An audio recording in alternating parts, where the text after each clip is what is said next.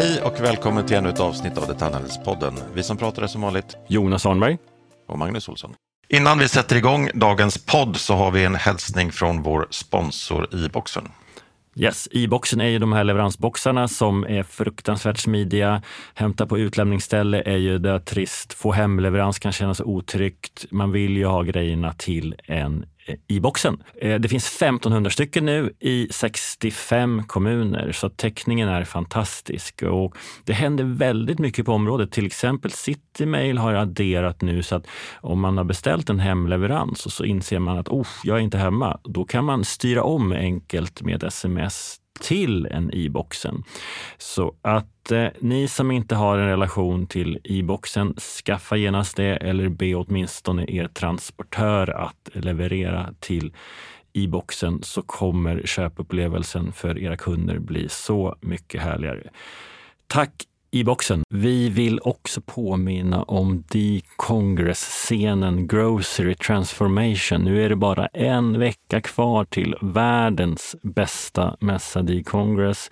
Och eh, det här avsnittet är ju på dagligvarutema och D-Congress kommer ha en hel scen på Grocery Transformation-tema med allt från framgångsfaktorer för framtidens dagligvaruhandel och en D2C-scen med bland annat Häxan och Löfbergs. Så missa inte den. Varmt välkomna till D-Congress i nästa vecka och självklart är ju detaljhandelspodden där. Vi ses. Nu kör vi!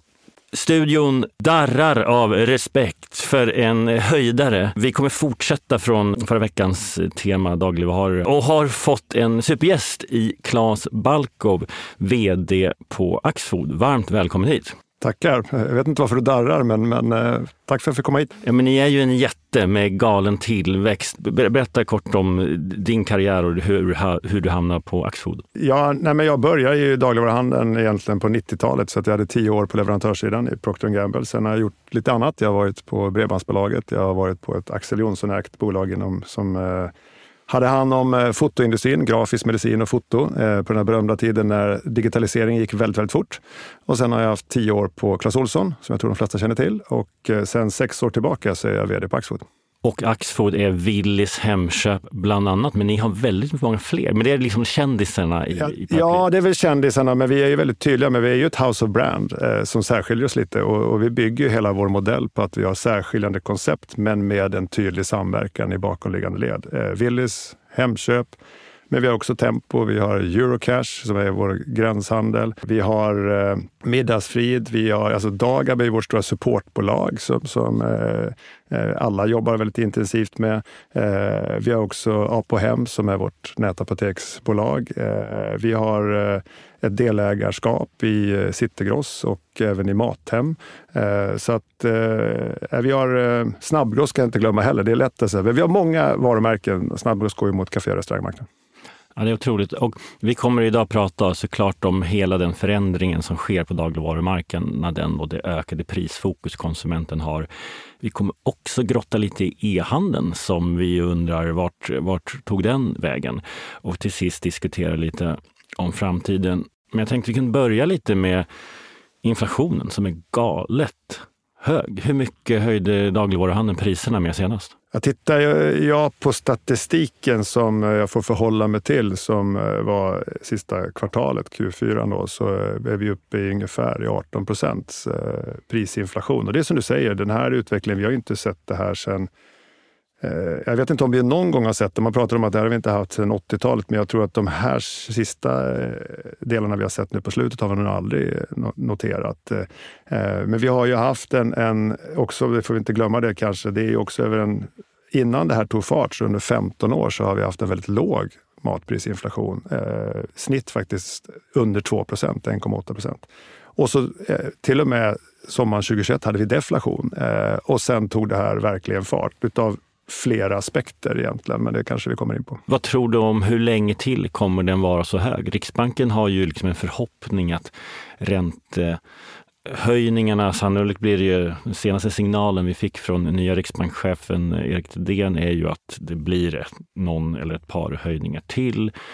Eh, och, och, och, och det beror ju på att eh, ja, inflationstakten är så hög såklart. Och, och ett, en viktig komponent i konsumentprisindex är ju just matpriserna. Så, så, hur ni och era kollegor i branschen planerar att eh, förändra priserna är ju väldigt viktigt. Vad, vad tror du att Riksbanken lyckas få ner priserna? Nej, men om jag får hoppa in på det du säger hur vi och våra kollegor planerar. Det är inte så att vi direkt planerar de här effekterna som sker just nu. Vi, hade ju, och det, vi såg ju redan tendenserna utav eh, en ökad inflation eh, hösten 2021, inte slutet på året 2021. Och eh, det var ju en effekt utav en där, där eh, pandemins effekter och återgången från en pandemi när restriktionerna skulle slippa, släppa så fanns det eh, vissa kostnadslag, inte minst, som började skena.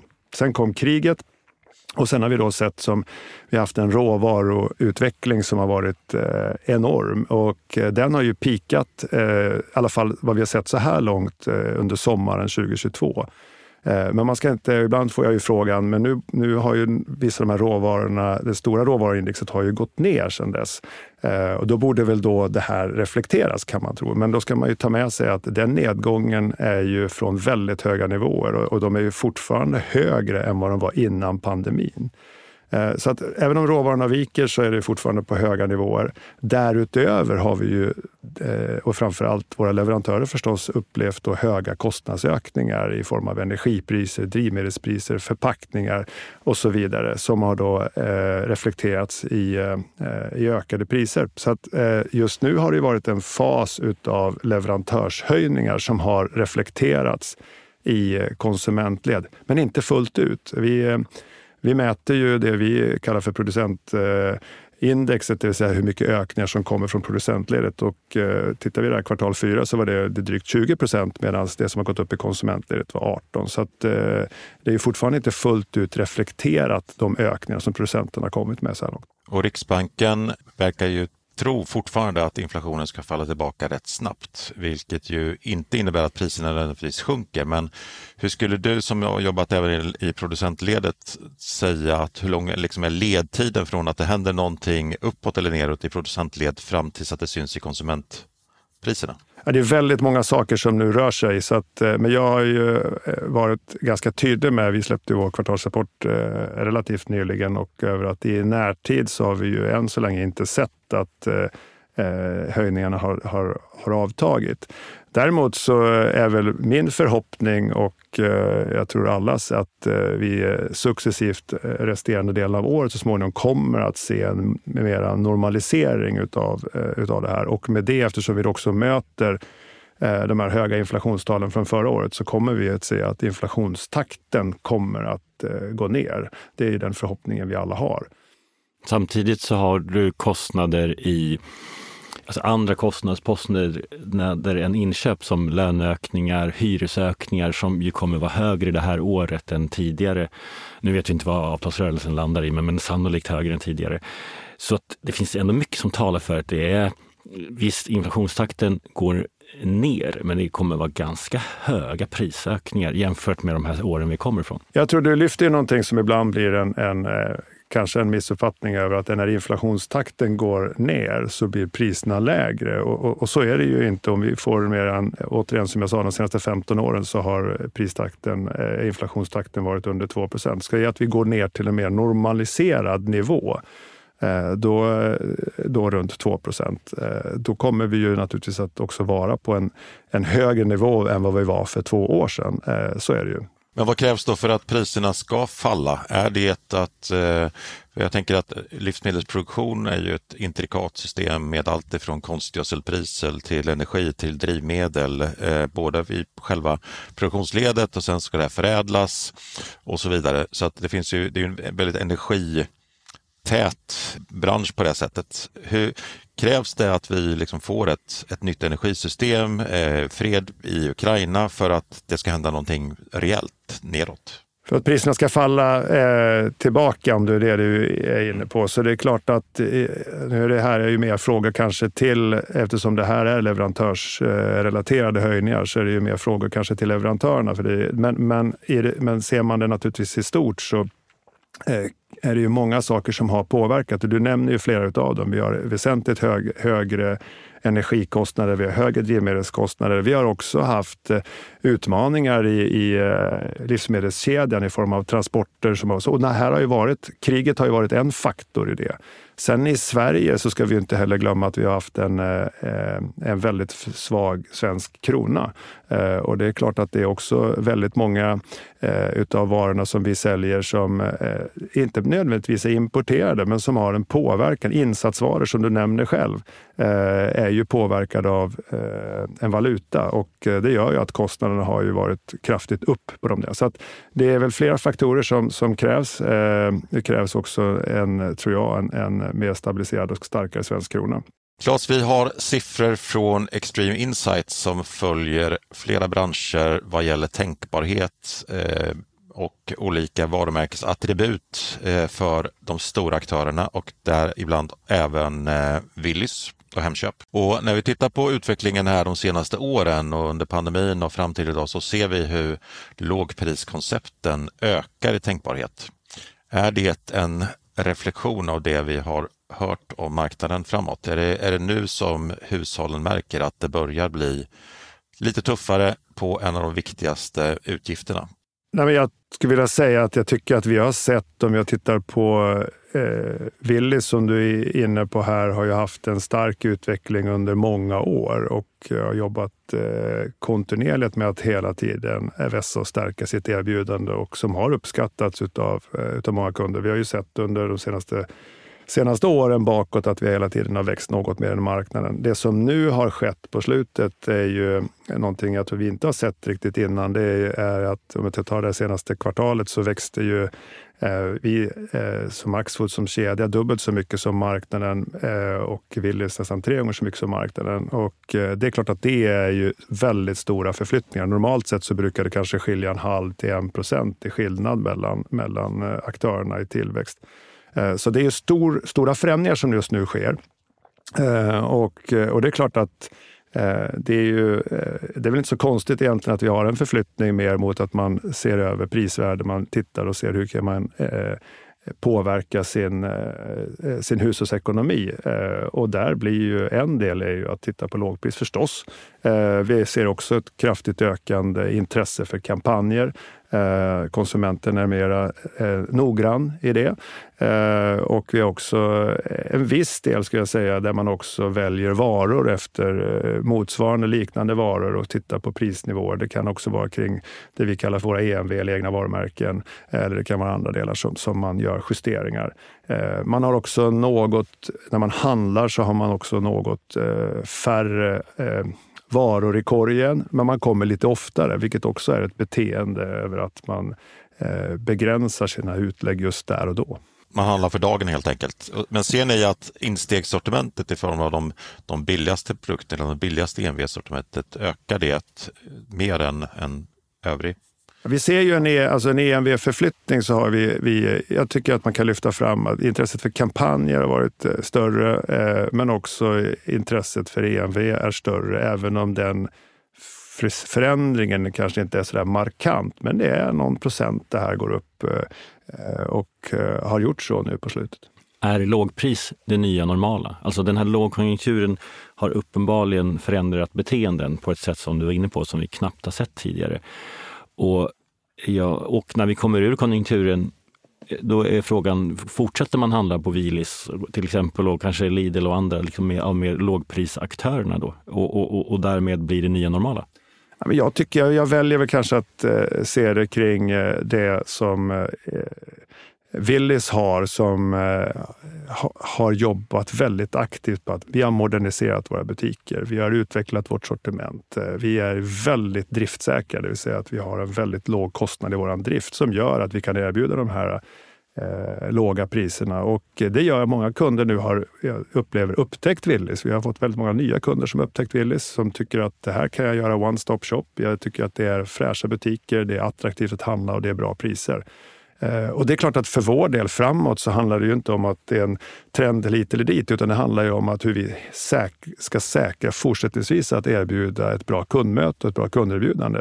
Eh, och gör vi det, kan vi kontinuerligt jobba med den delen, eh, fortsätta att ut utveckla våra koncept, så är ju det sättet för att bibehålla och förstås attrahera än fler kunder. Och även andra aktörer har ju blivit mer prisintensiva och mer kampanjintensiva. Tror du att det kommer att förändra bilden av Willys, så att Willys, Willys inte uppfattas som lika billig som hittills?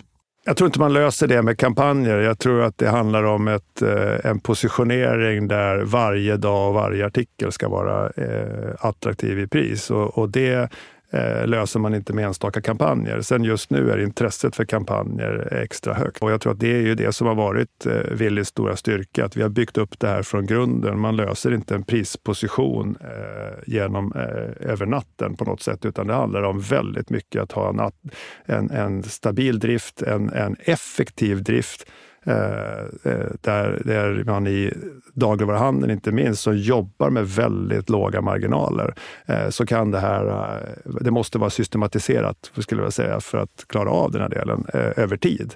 Och det är ju det Willys gör så bra.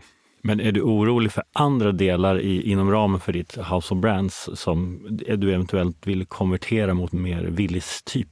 Nej, men för vår del så är ju styrkan vi har i Axfood är ju just att eh, vi har olika särskiljande koncept som tillmötesgår eh, olika kundgrupper. Men jag, ni har, inte, ni har pratat mycket Willys, men om man tar Hemköp så har ju Hemköp haft en, eh, faktiskt en relativt väldigt fin utveckling. Vi har enligt vår uppfattning växt, eh, alltså man växer något mer än marknaden på slutet. Eh, man har definitivt tagit mera eh, marknadsandelar inom vad vi kallar för det traditionella eh, segmentet. Eh, så att det är ju förstås i Hemköps fall så är ju prisvärde viktigt, men det är också att möta många kunder som eh, vill ha matinspiration, som eh, vi pratar om eh, såhär, vi har hållbarhetserbjudanden, hur jag kan eh, såhär, skapa matglädje, eh, kanske på ett annat sätt. Och, och, och, den kundgruppen är ju lika viktig eh, för oss att attrahera förstås. Men, men lite motströmmen är det nu ändå, om, om den rådande liksom, driften är mot eh, värde för pengarna och så, så här har du mer den, eh, ja, det, jag kan inte ditt språk, men, men det är liksom den härligare butiken så med ett, eh, ett liksom mer fredagserbjudande om man får säga så. Eh, det är lite fascinerande. Ja, att Hemköp går bättre menar du? Eh, ja, men jag tror att det handlar, vi har ju också inom Hemköp jobbat väldigt mycket på att eh, också modernisera, bygga om våra butiker och göra ett attraktivt erbjudande. Jag bara menar på att Eh, det är ju eh, vi som konsumenter, vi, har ju, vi väljer ju våra butiker och så har vi några butiker i vårt närområde som vi väljer mellan, kanske två, tre butiker. Och här är det ju naturligtvis en, en daglig, konstant eh, eh vad ska jag säga, eh, om jag använder ett slarvigt uttryckt, fight för att nå och attrahera kunderna på bästa sätt. Eh, och det gäller ju även för, för våra övriga koncept att göra det. Sen att det finns en allmän trend just nu eh, kring att prisvärde blivit ännu viktigare för att många konsumenter förstås upplever ett, eh, en jobbig situation med den ökade inflationen rent allmänt i samhället. Men du, snabbgross då? Berätta om det, för det är lite nytt. Är det liksom en Costco-fighter eller vad är det för något? Jag tror du tänker på Snabbgross Club. Eh, eh, snabbgross är inte så nytt för oss. Snabbgross är ju en, eh, vad vi kallar slarvigt, eller inte slarvigt, det är en cash and carry, det vill säga att många kafé och restauranger kan åka till en butik och handla sina kafé och restaurangvaror i, i förpackningar som är större, som passar restaurangmiljön bättre. Och vi har haft en, en fantastiskt fin utveckling under snabbgross också där under ett antal år. Eh, sen eh, ett par år tillbaka så eh, eh tänkte vi att eh, vi, vi eh, ska testa ett nytt koncept som vi kallar för Snabbgross Club där vi erbjuder konsumenterna att kunna handla just eh, restaurangvaror direkt från en restauranggrossist eh, bakom ett medlemskap. Det vill säga att man kan bli medlem och och eh, sen kan man då åtnjuta eh, restaurangernas sortiment och eh, om man ska ha större fester eller om man ska ha stora familjer och så vidare. Så vi öppnade upp vår första butik i, utanför norr om Stockholm för ett par år sedan och sen har vi öppnat upp några till. och vi har haft en väldigt fin utveckling. Vi har ett starkt medlemstalsökande så att, eh, det är väldigt kul att komma med något nytt till marknaden också. Vad kostar ett medlemskap? Ett medlemskap kostar 300 kronor. Där kan vi säga att det, de eh, eh känner man ganska snabbt igen eh, får säga, med, med eh, de erbjudanden vi har. Claes, du är ju en del av någonting som ibland från åtminstone vissa håll beskrivs som en oligopolmarknad och innan Eh, de här prishöjningarna som kom så var det många eh, som gnällde på att ni borde höja priset mer för att ge leverantörerna eh, levnadsutrymme eller vad vi ska säga. Och nu säger man att ni höjer för mycket. Har vi ett oligopol? Nej, men låt, det är bra att jag får, får eh, kanske kommentera det här. Vi har ju 3000 butiker i vår bransch som konkurrerar varje dag om att möta våra, våra, våra kunder och där kunderna, som ni också har noterat, hoppar runt lite just nu, än mer nu. Eh, så konkurrensen är ju stenhård. Sen finns det en färre antal eh, grossister i Sverige Eh, det finns inte 3000 grossister och det är klart att det finns en och annan leverantör som kan tycka det förstås eh, kan vara utmanande. Eh, men det beror också, om vi tittar lite grann på, vi möter också väldigt stora multinationella leverantörer där det gäller att ha också volym och också kunna förhandla på ett, på ett relevant sätt för att du som konsument ska få ett, ett, ett bra pris. Vi, det räcker med att backa tillbaka ett antal år kring att se hur matprisinflationen har, har hållits i, i schack får man väl säga för att vi har varit ganska duktiga som bransch att också eh, ha eh, konkurrenskraftiga eh, förhandlingar med, med, med, med, de stora leverantörerna. Men, men, men, det finns inte en risk att när liksom eh, hela dagligvaruhandeln går mot pris och vi har visserligen nya centrallager och så där som kan effektivisera, men ett sätt inbillar jag mig är också att pressa leverantörerna ytterligare och att det är en och annan som slås ut. Ja, men vi tar ju in eh, eh alltså det finns alltid de leverantörerna som kommer uppleva att det är orättvist eller att man inte kom in som en distribution och så vidare. Men det är ju så, det räcker med att gå i en butik så kan man se hur många artiklar kan jag få in på den här hyllan och så tittar man på hur många leverantörer skulle vilja vara inne på den här hyllan. Och det är klart att det är en och annan som inte får plats.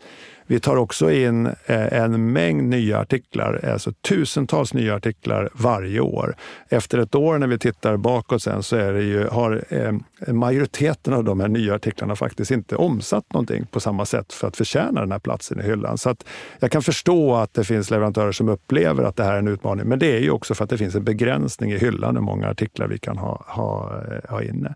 Eh, så, att, så att det, det, är väl en svar på en fråga. Den andra delen som du eh, indikerar lite grann kring att är det så att vi skulle på något sätt ta ut något annat pris eller vad det nu kan vara. Där tycker jag konkurrensen säger, talar sitt tydliga språk vi ser ju redan idag och vi ser på de, de delarna som har varit nu under den här inflationsdelen att det har varit högre inpriser till oss som bransch än vad som har reflekterats ut i konsumentledet.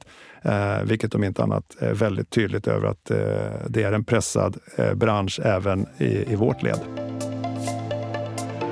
Claes, du var inne på att dagligvaror är en lågmarginalbransch och eh, det finns ju sätt att öka, öka sina marginaler bland annat genom att jobba med non-food.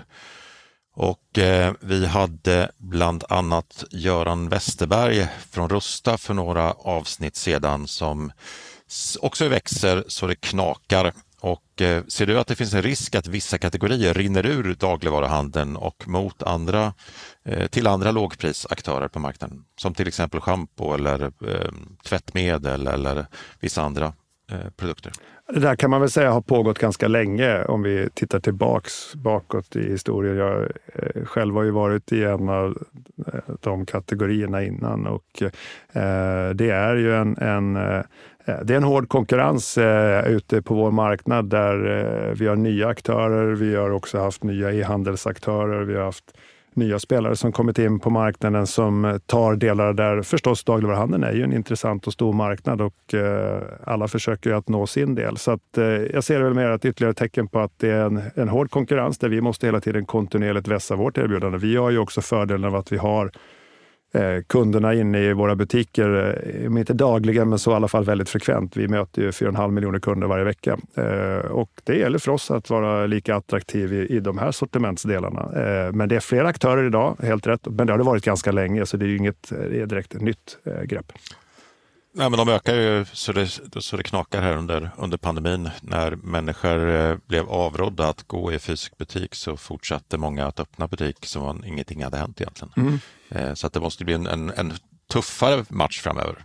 Om du, om du just nu är inne på non-food-tillväxten eh, av, av eh, det ni brukar prata om, lågpriskedjor, så är ju den, har ju varit en kraft under en längre tid. Och, och, det är det som jag säger att eh, de här förflyttningarna har vi sett delvis. Sen säljer de ju väldigt mycket annat också än, än delar av, av eh, det non-food-sortimentet som eh, vi har i våra butiker. Sen är ju i vårt fall kan vi säga att vi är ju heller inte inom Axfood eh, så stora rent generellt på non-food. Vi har ju inte stora non-food-avdelningar på samma sätt. Vi har ju majoriteten av vårt fokus är ändå på mat. Vad tror du om e-handelsdelen i det? Alltså aktörer som Apotea eller Snusbolaget som liksom plockar kategorier eller plockar kanske högmarginalprodukter ur sortimentet? Ja, jag är inte säker på att det är högmarginalprodukter längre, eh, men eh, det är ju återigen, det är ju en del där flera eh, aktörer, inte bara på, på, på schampo och tvättmedel som ni är inne på, utan på många områden försöker att konkurrera och erbjuda kunderna andra alternativ. Och det är ju bara det helt enkelt för oss att vi måste bara uppleva ett, ett annat konkurrentlandskap än vad det kanske var för 20 år sedan. Eh, men det kommer tillbaks till hur bra vi är på att eh, eh, attrahera och ge bra erbjudanden till våra kunder och se att det här blir ett mervärde för dem. Och motsatsen till lågpris då? Eh, för att en stor del av fokus de senaste åren har ju också varit på hållbarhetsfrågan från konsumenter, eh, även från, från branschens aktörer. Nu hörs vi röster som säger att andelen eh, eller efterfrågan på, på ekologiskt minskar. Eh, hur ser du på det? Det här är någonting som bekymrar mig och vi är ju också väldigt tydliga i våran eh, vision att vara ledande inom bra hållbar mat. Och om jag, utan att göra den eh, för lång den, den kopplingen så, så är det ju så att en av de stora utmaningar vi alla har i samhället, det är ju att den globala matproduktionen eh, står för en eh, stor del av eh, våra utsläpp, närmare 25-30 procent. Eh, så att det är klart att det är viktigt framåt att vi kommer till rätta med de här delarna. Och eh, därför så driver vi ju på där vi tittar på saker som vi själva kan göra, vilket är viktiga delar förstås. Vi ska minska vårt matsvinn, vi ska förbättra vår energipåverkan med våra drivmedel eh, och alla de delarna där, därtill. Men sen har vi också en av de stora effekterna är förstås vilken konsumtion vi konsumenter har, var vi äter och på vilket sätt vi äter. Eh, och en av de delarna är ju där vi mäter hållbarhetsmärkta varor som är en del som vi försöker att driva upp en andel utav. Och tyvärr så går den andelen ner och eh, där är ju en konsekvens av att eh, ekologiska produkter som exempelvis är något dyrare att producera, är något dyrare på hyllan, eh, där konsumenterna just nu gör eh, ett mera val mot en billigare produkt. Eh, och vi hoppas att eh, vi kan driva på den här eller att fortsätta driva det, men det är lite oroväckande just nu. och det är ju klart att det beror ju på en pressad ekonomi hos våra konsumenter. Därför så tycker vi väl också att det finns eh, politiska inspel vi skulle vilja se. Vi har ju föreslagit till exempel att man ska eh, sänka eh, momsen just på hållbarhetsmärkta varor för att driva ehm, driva de här kategorierna, vilket är bra för miljön, men det är också väldigt bra för vår hälsa. Så att det finns många goda skäl till att man ska se över det här, tycker vi. Som sagt är vi inne i omvälvande tider och från att mat på nätet växte otroligt kraftigt under pandemin så har ju tillväxten för hela e-handeln i, i branschen svalnat något. Vad, vad, vad, vad är det som händer? Handlar vi inte mat på nätet längre? Ja, man kan ju tro det. Eh, men jag, jag backar bandet två sekunder egentligen så, så Eh, är det ju så att det här 2022 så har vi ju inte bara upplevt en kraftig inflation, vi har också haft en vad vi kallar för en postpandemieffekt. Eh, vi hade ju stora effekter av pandemin med restriktioner, eh, restriktioner på att vi inte gick på kafé och restauranger. Det var ju volymer som flyttades till dagligvaruhandeln. Den här delen har vi haft en kafé och restaurangmarknad som har blomstrat och vi har sett volymerna gå tillbaka till kafé och restaurangmarknaden. Vi hade en e-handel på grund av restriktionerna som fullständigt exploderade. Eh, nu eh, är det inte de restriktionerna längre och det är många kunder som har kommit tillbaka till våra fysiska butiker.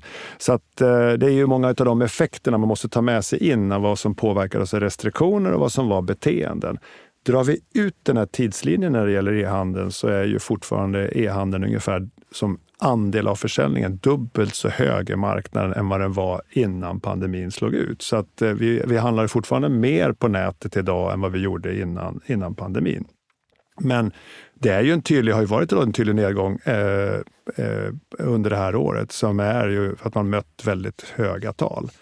Så att e-handeln är ju fortfarande en relevant kanal tycker vi. Eh, där vi också, även om, om marknaden har varit ner, så har vi visat på tillväxt på slutet eh, i, eh, i den marknaden, i den kanalen. Och det är en viktig kanal för oss framåt också. Att tillmötesgå de kunderna som eh, uppskattar och gillar att handla på nätet. Och det är inte så att man nu inser att så här, mat är tungt, har låga marginaler och att köra omkring det, det var ingen bra idé nu när människor vill ha lågt pris. Jag skulle vilja säga att vi har en, eh, vi har varit inne på Willys, vi har en väldigt fin utveckling fortsättningsvis på Willys eh, e-handel. Så att eh, det här är ju, alltså e-handeln tillmötesgår ju en kund som av olika skäl tycker det här är ett väldigt bra sätt att handla sin mat på. Hjälper till i livspusslet kanske, eller vad det nu kan vara. Däremot så är vi, om man tar Willys som exempel, väldigt tydliga och transparenta framför allt att det här är en produkt som man får betala för. Eh, det kostar en, en avgift, eh, en liten avgift för att hämta i butik och du betalar en liten avgift till för att få det hemskickat. Och eh, jag tror många kunder uppskattar just både den här transparensen men också att man förstår att det här är en service som vi ger och man är villig att betala för det. Vi vill också påminna alla lyssnare om att nästa vecka är det D-Congress och en hel scen på tema Grocery Transformation där bland annat Eh, Frida Ridderstolpe från er är med och mm. pratar. Eh, så att eh, det måste ni vara med på. Men, men, men utifrån det också, man blir tillbaka till e-handelns utveckling och det är ändå snabba skifte. Ni, ni, har till exempel pausat ert e-handelslager som ni hade tänkt att bygga i Göteborg eller öppna. Var, varför? Ja, det kan man ju tro att det är någon form av signal. Då. Men det här är ganska enkelt. Vi har ju inte pausat vår utbyggnad av eh, vårt stora logistikcenter i Bålsta där vi har e-handelsdelen eh, eh, med. Så att, eh, men det kanske vi kommer tillbaka till. Men om man tar just eh, e-handelsutbyggnaden i, i Backa i Göteborg så finns det en väldigt naturlig logik för det. Och det är att vi hade ju, eh, när vi tog det beslutet så hade vi Mat.se med hos oss. Nu har vi ju gjort vårt strategiska samarbete med Mathem. Vi har flyttat ut Mat.se in till eh, Mathems logistik anläggningar, vilket gör att, och det är Mat.se ganska stor i Göteborg, eh, så att där har vi då en mindre volym. Samtidigt, precis som, som vi alldeles nyss pratade om, så har vi nu en något lägre tillväxttakt i, inom e-handeln. Eh, och eh, därför är det helt naturligt av att eh, vi är kloka, vi eh, avvaktar och ser över vad det här tar vägen någonstans innan vi sätter spaden i backen. Så att det är mer en paus för att se hur utvecklingen tar sig innan vi sätter spaden i backen på att bygga ett logistikcenter även där. Men Claes, om vi tittar på pandemieffekten eh, så kom ju den väldigt plötsligt för alla inblandade och eh, logistiken fanns inte på plats. Det fanns en växtverk. I början av pandemin kunde det dröja veckor innan man fick sin leverans. Sen började alla tok investera och kasta pengar på e-handeln eh, som om pandemin och tillväxten skulle vara för evigt. Och nu ser vi att vi, vi det, det var en pandemieffekt. Eh, jag tänker, finns det, vad är förutsättningarna liksom för att komma upp i de nivåerna som, som pandemin innebar och som man egentligen dimensionerade för när man byggde de här, eller satsade de här pengarna i, i olika investeringar. Vad tror du? Nej, men jag har nog sagt det sedan eh, sex år tillbaka att eh, det har varit väldigt många förståsigpåare över att tala om att e-handeln kommer att bli så här stor eller kommer att vara den här andelen av marknaden inom eh, och, och många ganska aggressiva antaganden hela tiden eh, varit tydlig med att det är ingenting som vi vet. Eh, och därför så bygger vi ett flexibelt system i bakomliggande led för att kunna anpassa oss efter om det blir eh, en större efterfrågan så ska vi ha de bakomliggande systemen på plats. Om jag tar Bålsta som vi bygger så har vi, gör vi det i samma lokal, samma byggnad som vi servar våra butiker, vilket gör att vi får ett dragspel. Om e-handeln blir något mer så kan vi minska på butik eller tvärtom. Eh, och därför är flexibiliteten en viktig del. Och hur stor den här efterfrågan kommer att bli, ja, det lär framtiden visa. Jag, jag tror ju ändå att det finns en, en efterfrågan på de här produkterna, men jag är också ganska tydlig med att det kräver väldigt mycket investeringar i bakomliggande led för att automatisera och för att hantera. Det är en, det är en kostnadsdel eh, som är ganska hög. Men jag är också eh, av den starka uppfattningen över att det här är också en service och en tjänst som konsumenten eh, kommer att eh, få betala för i någon form. En del tar ut det här på produkterna, en del tar det i avgifter. Eh, för det är svårt att tro att man ska köra hem 45 kilo mat till någon till någon dörr när man vill ha det och det ska inte kosta någonting.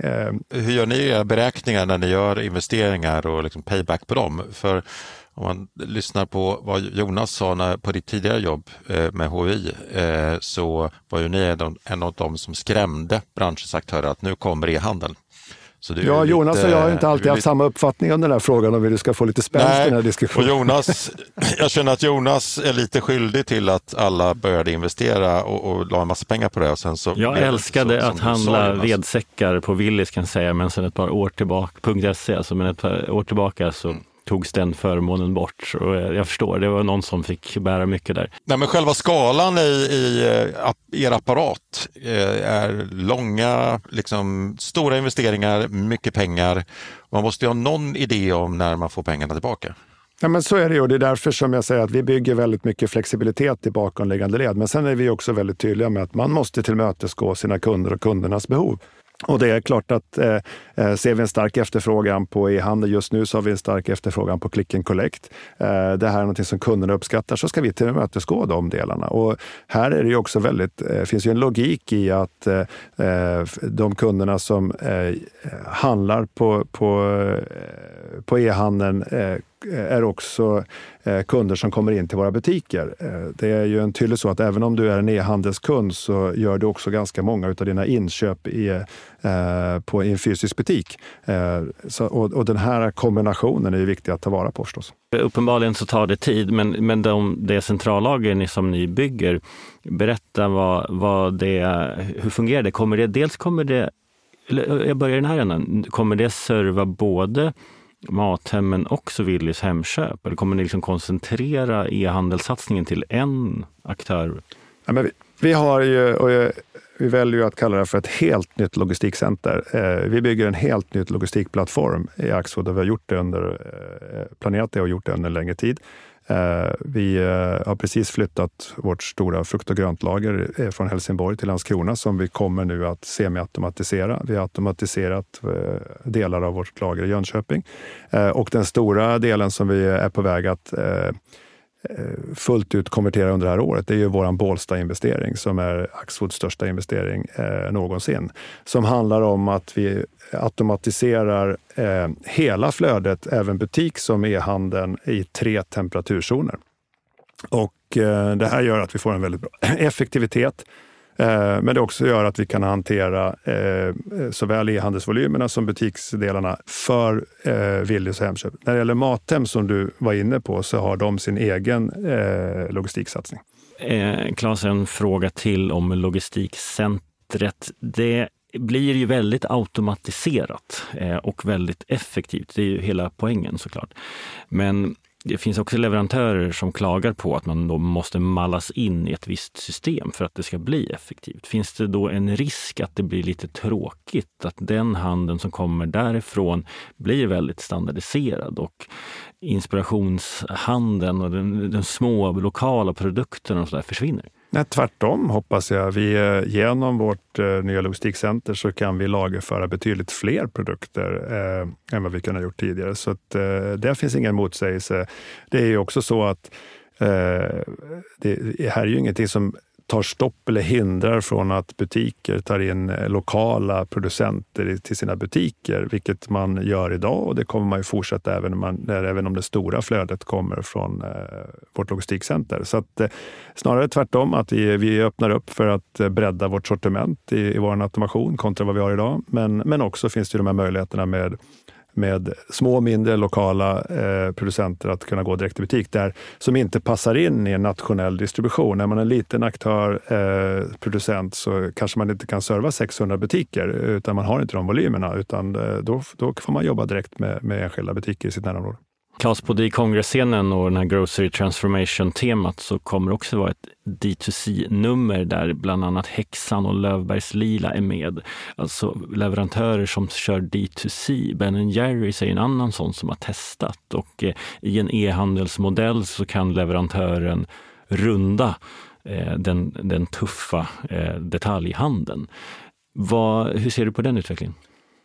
Ja, jag tycker väl att runda kanske är ett sätt att man kan ju snarare se att man via eh, våra kanaler på hela, i hela vår bransch har man ju en möjlighet att nå ut till väldigt många fler kunder i, i, ett och samma, eh, i en och samma distributionsdel och det tenderar till att bli mer effektivt. Men, men det är ju eh, återigen, det finns ju många nya aktörer, många nya spelare, många nya konkurrenter som kommer in på marknaden och jag tror det här är bara någonting som är gynnsamt. Det skapar intresse för vår bransch, det skapar intresse för nya produkter Eh, är det så att man, man får upp en attraktivitet hos en, en, eh, i ett, ett varumärke så tenderar det till att sen eh, bli någonting som kan skapa efterfrågan även i våra kanaler. Så att, jag ser väl ingen motsägelse i det eh, på något sätt.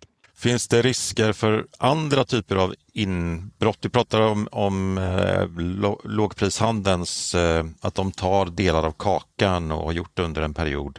Eh, nu pratade vi nyss om D2C här. Finns det abonnemangsaktörer till exempel som kan ta godbitarna och, och, så att dagligvaruhandeln på något sätt blir, blir uppäten utifrån. Ja, du spånar du kanske långt in i framtiden. Jag vet inte. Det är ju det är klart att... Jag är väldigt visionär. Ja, det är visionär och, och det är ju ingenting som säger att eh, om abonnemang blir ett, ett område som är väldigt attraktivt för eh, dig och mig som konsument, att vi vill ha det, så sitter väl vi om inte annat på väldigt bra möjligheter att erbjuda också abonnemang om det skulle vara ett stort intresse för våra konsumenter. Vi, vi ser ju inte det idag riktigt, men, men skulle det bli det så eh, är det ju ingenting som hindrar oss från att eh, erbjuda eh, bra abonnemangslösningar.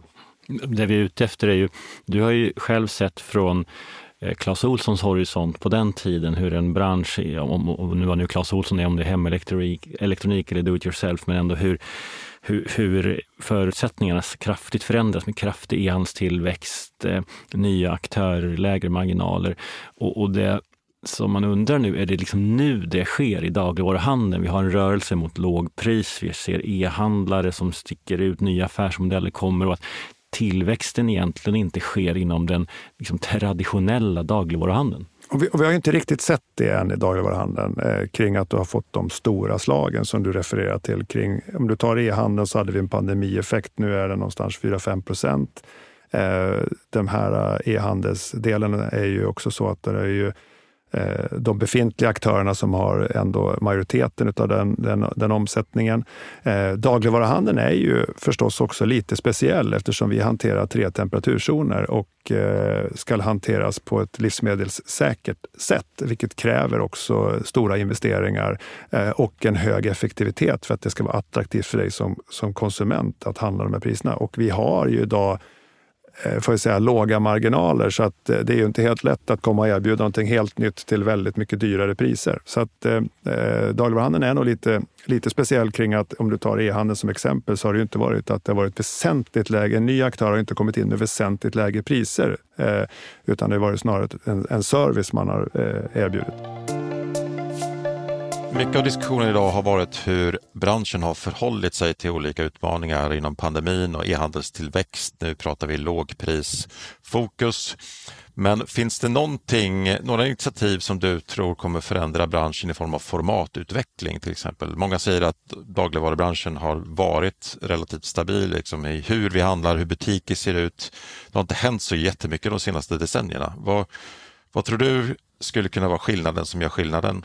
Ja, eh, när man sitter i det så, så det är klart att eh, jag kan hålla med att man tycker att det kanske är lite traditionellt och stabilt. Jag upplever ju att eh, de sista åren inte har varit speciellt eh, stabila om jag ska vara helt ärlig. Det Nej, men, men det jag menar är att ni har, fått, ni har fått förhålla er till saker och ting som har hänt och parerat. Eh, det har inte varit något jättemycket innovationsarbete som kommer från någon inom branschen och säger nu ska vi göra så här. Nej, eh, nej och jag, jag tänkte att jag skulle få, få komma det. Jag tycker ändå att bara de sista åren, det är ju inte, det är inte så många år sedan det inte fanns e-handel på, på, i de dagligvaruhandeln. Eh, så att, eh, men sen har det ju också hänt väldigt mycket i butik med digitalisering, med eh, hantering hur du idag handlar kring mera kontaktlösa sätt att handla i butik. Både hur du eh, själv väljer att eh, skanna dina varor, hur du själv väljer att checka ut, eh, som eh, var ganska nytt eh, får vi ändå säga. För ett antal år sedan så var det ganska främmande. Idag är det många som, kunder som väljer sin butik efter att jag kan själv eh, checkouta till exempel. Eh, men, men du har ju rätt i det att går det här att göra ännu mer visionärt eller någonting helt annorlunda? Och, och jag tror att eh, många av oss ser nog över och tittar på nya koncept och utvecklar det. Eh, men eh, det rör sig också ganska mycket om att få en, när det gäller maten så, så är det en konsument som man ska tillgodose som också vill ha ett ganska effektivt inköp. Det är en frekvent, man går och handlar, det är någonting man ska handla, man ska eh, få ordning på sin, sina eh, eh, sin mat som man ska äta på kvällen och ibland kanske man vill spendera lite längre tid men ofta så vill man att det här ska vara ett ganska effektivt och prisvärt sätt att handla mat på.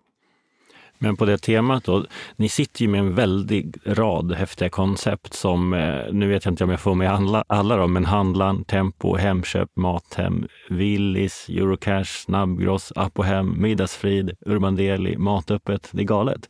Jag har säkert missat någon. Var kommer den vem, kommer växa snabbast ja. de närmsta fem åren? Det är som att fråga eh, vem, vilka av dina barn kommer att växa snabbast. Jag på att säga. Men så det, det, ju, det, blir lite sådär med, med eh, man är väldigt förtjust i sina eh, varumärken och jag tycker att alla har sina egna olika förutsättningar. Just här och nu, så det har ni varit inne på en ganska lång stund kring att Eh, Willys med sin, eh, sin tydliga prisposition har ju en väldigt fin utveckling. Men jag tror fortfarande att, som jag varit inne på, att respektive varumärke har sin position och sin möjlighet att stärka sin position inom sitt segment. Eh, eh, och det är ju, eh, du nämner till exempel Urban Deli, det finns en fantastisk möjlighet att uppleva matglädje och hållbarhet och eh, den här mixen mellan deli och restaurang. Eh, när eh, Tempo som, har, som servar många kunder i närområdet. Eh, så att, eh, nej, men det finns många, många sätt att utveckla eh, sina respektive koncept tror jag framåt. Så att, eh, att säga att det kommer vara om fem, tio år så kommer det vara det här, det tror jag att jag ska akta mig för. För jag, jag tror väldigt starkt på att alla ska få sina förutsättningar att växa så mycket som möjligt och sin, i sin fulla potential. Och det är viktigt att vi som ägare till de här delarna ger de förutsättningarna för respektive bolag att eh, frodas på sin del av marknaden.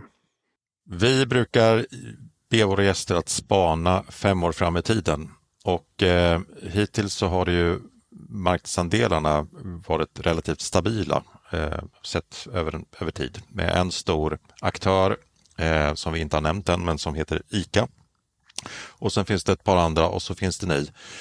Om vi tänker oss att lågpris blir en, en, en ny standard eh, där ni är väldigt starka. Eh, och vi har pratat om att, att eh, de tuffa ekonomiska förhållandena kommer vara under åtminstone överskådlig tid. Hur mycket och vem har ni tagit andelar från om fem år? Ja, det är också en sån här eh, härlig svår fråga förstås. Men, men, eh, men det är därför du ja, är här, jag förstår det. För att svara på de alla svaren. svåra frågorna. För vår del så är vi ju väldigt tydliga med att vi ska växa mer än marknaden. Det har vi eh, gjort de sista fem åren och det har vi som ambition att göra framåt. Vi hade ett fantastiskt 2022 där vi hade en väldigt tydlig tillväxt gentemot mot marknaden och det är klart att det är ambitionen. Och om de här tillväxten kommer från den ena eller den andra, det är ju inte riktigt så relevant för vår del. Utan för vår del är det ju faktiskt att växa mer i marknaden som vi sätter som högsta prioritet. Eh, och det bygger ju väldigt mycket på att, eh, och jag tror att det är inte svårare än så, att vi ska försöka tillgodose att våra kunder och konsumenter som är och handlar i våra butiker tycker om det vi har att erbjuda. Gör vi det på ett bra sätt och lite bättre än våra eh, kollegor på marknaden så kommer de belöna oss med det hur ska vi stressa dig? Alltså hur, tänk dig att ICA-handlarna lyckas transformera om sig och bli lite mer, få bättre liksom känsla kring lågpris. Att Amazon köper Coop och du har en helt ny scen. Eh, hur ser du på den utvecklingen? Jag är precis av den anledningen som vi gör så mycket investeringar i bakomliggande led. Eh, vi har varit inne på det. Vi eh, bygger nog ett av, eh, i alla fall Sveriges, kanske norra Europas modernaste logistikplattformar för att skapa möjligheten att bli ännu effektivare och ännu mer relevanta så att vi kan fortsätta vara starka ut mot slutkund. Och eh, det betyder att för att vi ska kunna möta om det blir förändringar i marknaden, om det blir det där, så ska vi kunna vara där och vara exakt lika relevanta idag och även imorgon. Stort tack Claes Balko, VD på Axfood för att du tog dig tid att komma och prata med oss. Och tack alla ni som lyssnade och glöm inte Grocery Transformation-scenen på D-Congress. Det kommer bli fantastiskt. Tack så jättemycket Claes. Stort tack för att jag fick vara här. Tack så mycket. Vi hörs snart igen. Hej då! Hej då! Hej då!